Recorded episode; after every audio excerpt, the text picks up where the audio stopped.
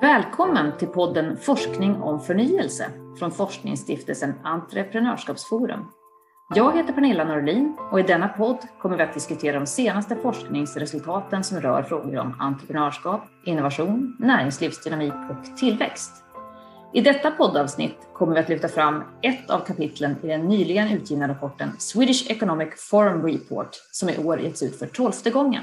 Temat för rapporten är Svensk konkurrenskraft. Med mig idag har jag Carolina Ekholm, en av åtta medförfattare till rapporten. Hej Carolina! Hej! Du är professor i nationalekonomi vid Stockholms universitet och tillbaka i akademin efter jobb som statssekreterare hos finansminister Magdalena Andersson och som vice riksbankschef. Och nu har du ditt kapitel här i rapporten och som har titeln Vad kan vi vänta oss av europeisk industripolitik? Hur skulle du sammanfatta svaret på den frågan? Ja, eh, låt mig först säga något om bakgrunden till att jag skrivit det. Det kanske är lite förvånande att jag skriver om industripolitik givet att jag kommer från nu senast Finansdepartementet och tidigare Riksbanken. Eh, men det är så att eh, under tiden som statssekreterare till Magdalena Andersson så var jag i allra högsta grad involverad i EU-politik eh, eftersom jag ansvarade för, för eh, ekonomiskt politiskt eh, samarbete med andra länder. Det hade jag i min portfölj och bakgrunden då till att jag skrivit det här kapitlet det är en oro som jag känner inför en del av de inspel som har skett på EU-nivå om behovet av att anpassa industripolitiken till en föränderlig värld och framförallt så handlar det om eventuella förändringar för att underlätta framväxten av europeiska champions, det vill säga marknadsledande företag. Och mitt kapitel det fokuserar i första hand på den del av industripolitiken som handlar om konkurrens. Konkurrenspolitiken inom EU det har liksom riggats för att bedrivas på ett relativt oberoende sätt, det vill säga oberoende från påtryckningar från såväl politiskt håll som från näringslivet. Och eh, man kan väl eh, ana att eh, eh, skälet till att det har blivit så är att medlemsländerna är i grund och botten så misstänksamma mot varandra och misstänksamma när det gäller de andras agerande när det handlar om gemensamma myndigheter och risken att andra använder ett inflytande över gemensamma eh, myndigheter för att främja sina egna intressen och att den här misstänksamheten är så hög så att man, man har valt att omöjliggöra även sitt eget inflytande på det här området. Men lite förenklat så kan man säga att idag finns en oro över att nuvarande tillämpning av de regler som gäller i EU begränsar EU-företags möjligheter att konkurrera effektivt på världsmarknaden. Och tittar vi på länder som USA och Kina så tycks de ju helt klart vara bättre på att generera företag som blir världsledande och det gäller särskilt i den digitala sektorn som, som ju är en innovativ och eh, in, innovativ tillväxtsektor. Och USA och Kina det är länder med vad som förefaller vara svagare tillämpning av konkurrensregler än i EU, mer av protektionism och i Kinas fall dessutom väldigt generösa statsstöd och det gör det eh, relevant att fråga sig, är det just därför som de är mer framgångsrika? Och motiverar det i så fall att EUs konkurrenspolitik blir mer lik den som bedrivs i, i USA och Kina?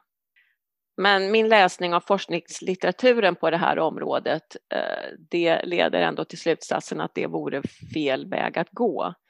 Eh, det finns en hel del som, som tyder på att EUs konkurrenspolitik har varit väldigt gynnsam för de europeiska konsumenterna och man ska ju också eh, kanske betona här att själva utgångspunkten för eh, konkurrenspolitiken det är just konsumentnyttan. Eh, och jag, i det här kapitlet så refererar jag bland annat till forskning av eh, Thomas Philippon.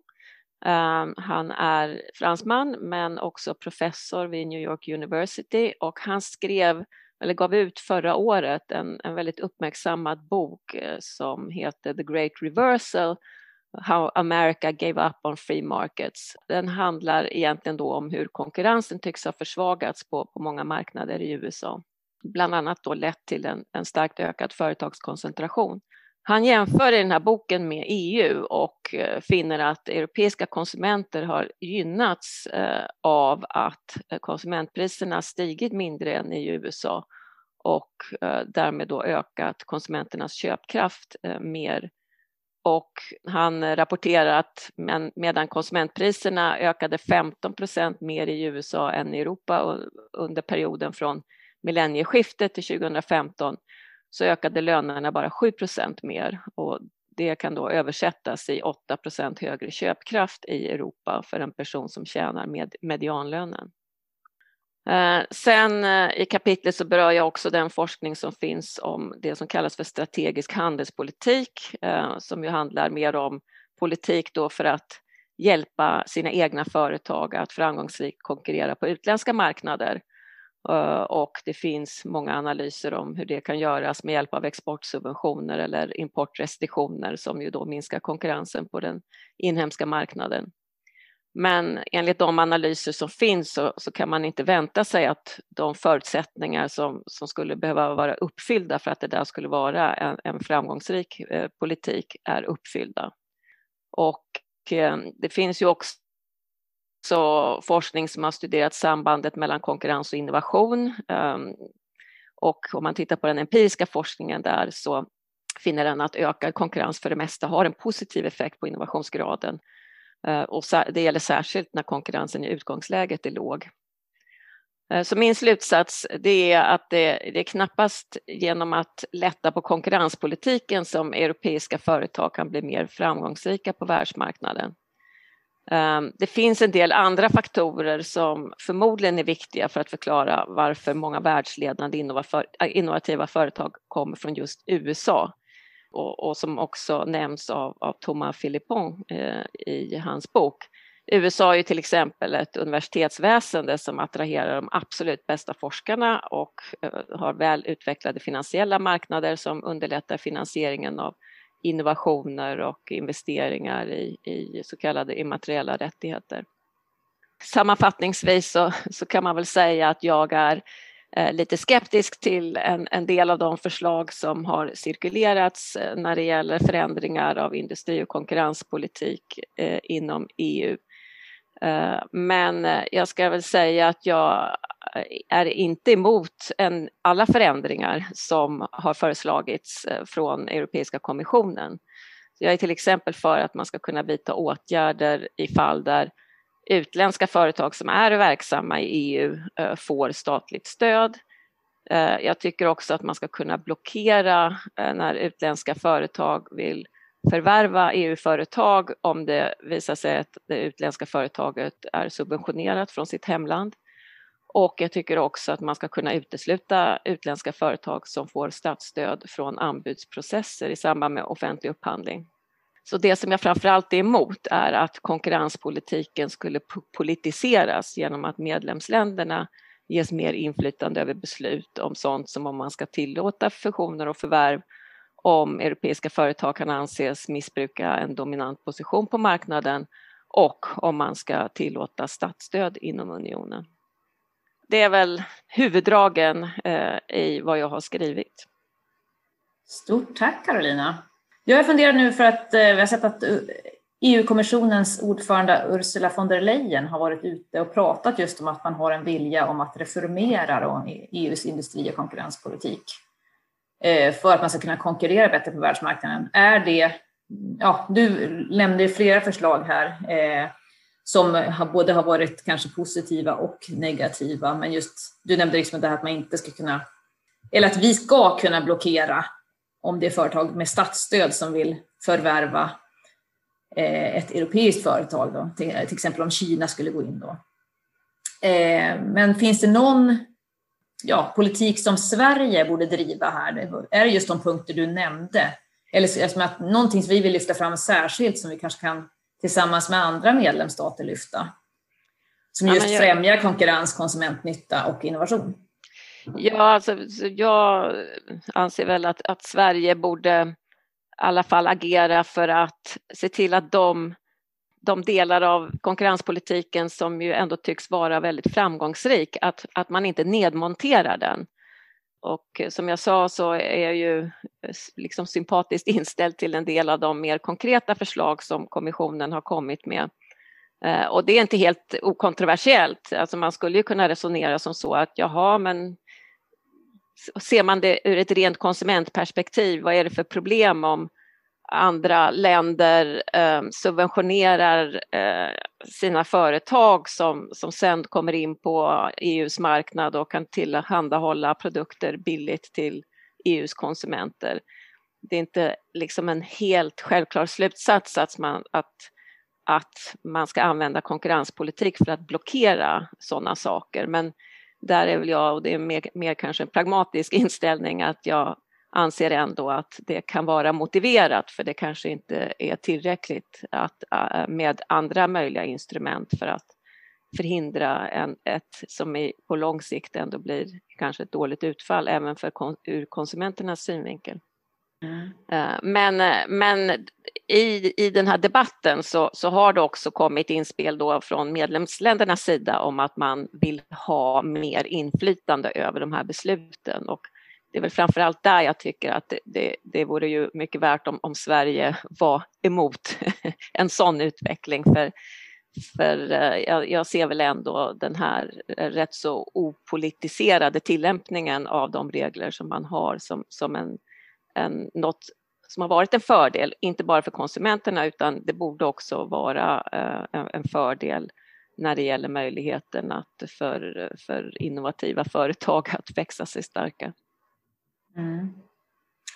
Eh, men just nu så precis så inriktas ju naturligtvis eh, konkurrenspolitiken på den inre marknaden och eh, ja, spelar inte det någon roll då att vi liksom får konkurrensnackdelar för, gentemot andra länder, ja, men just som Kina och USA som du nämner, att våra europeiska företag blir inte riktigt tillräckligt starka att kunna konkurrera.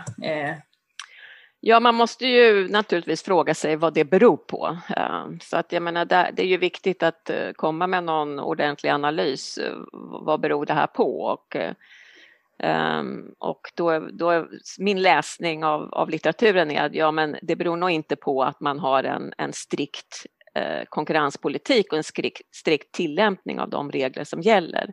Det i sig har nog varit en fördel. Men sen finns det ju andra områden där EU den politik som bedrivs i EU um, ehm, kanske har större utrymme för förbättringar om, om vi uttrycker det så. Uh, och en sak som man kan peka på uh, är ju det här med uh, högkvalitativ utbildning, spetsforskning. där är ju inte EU särskilt framgångsrika.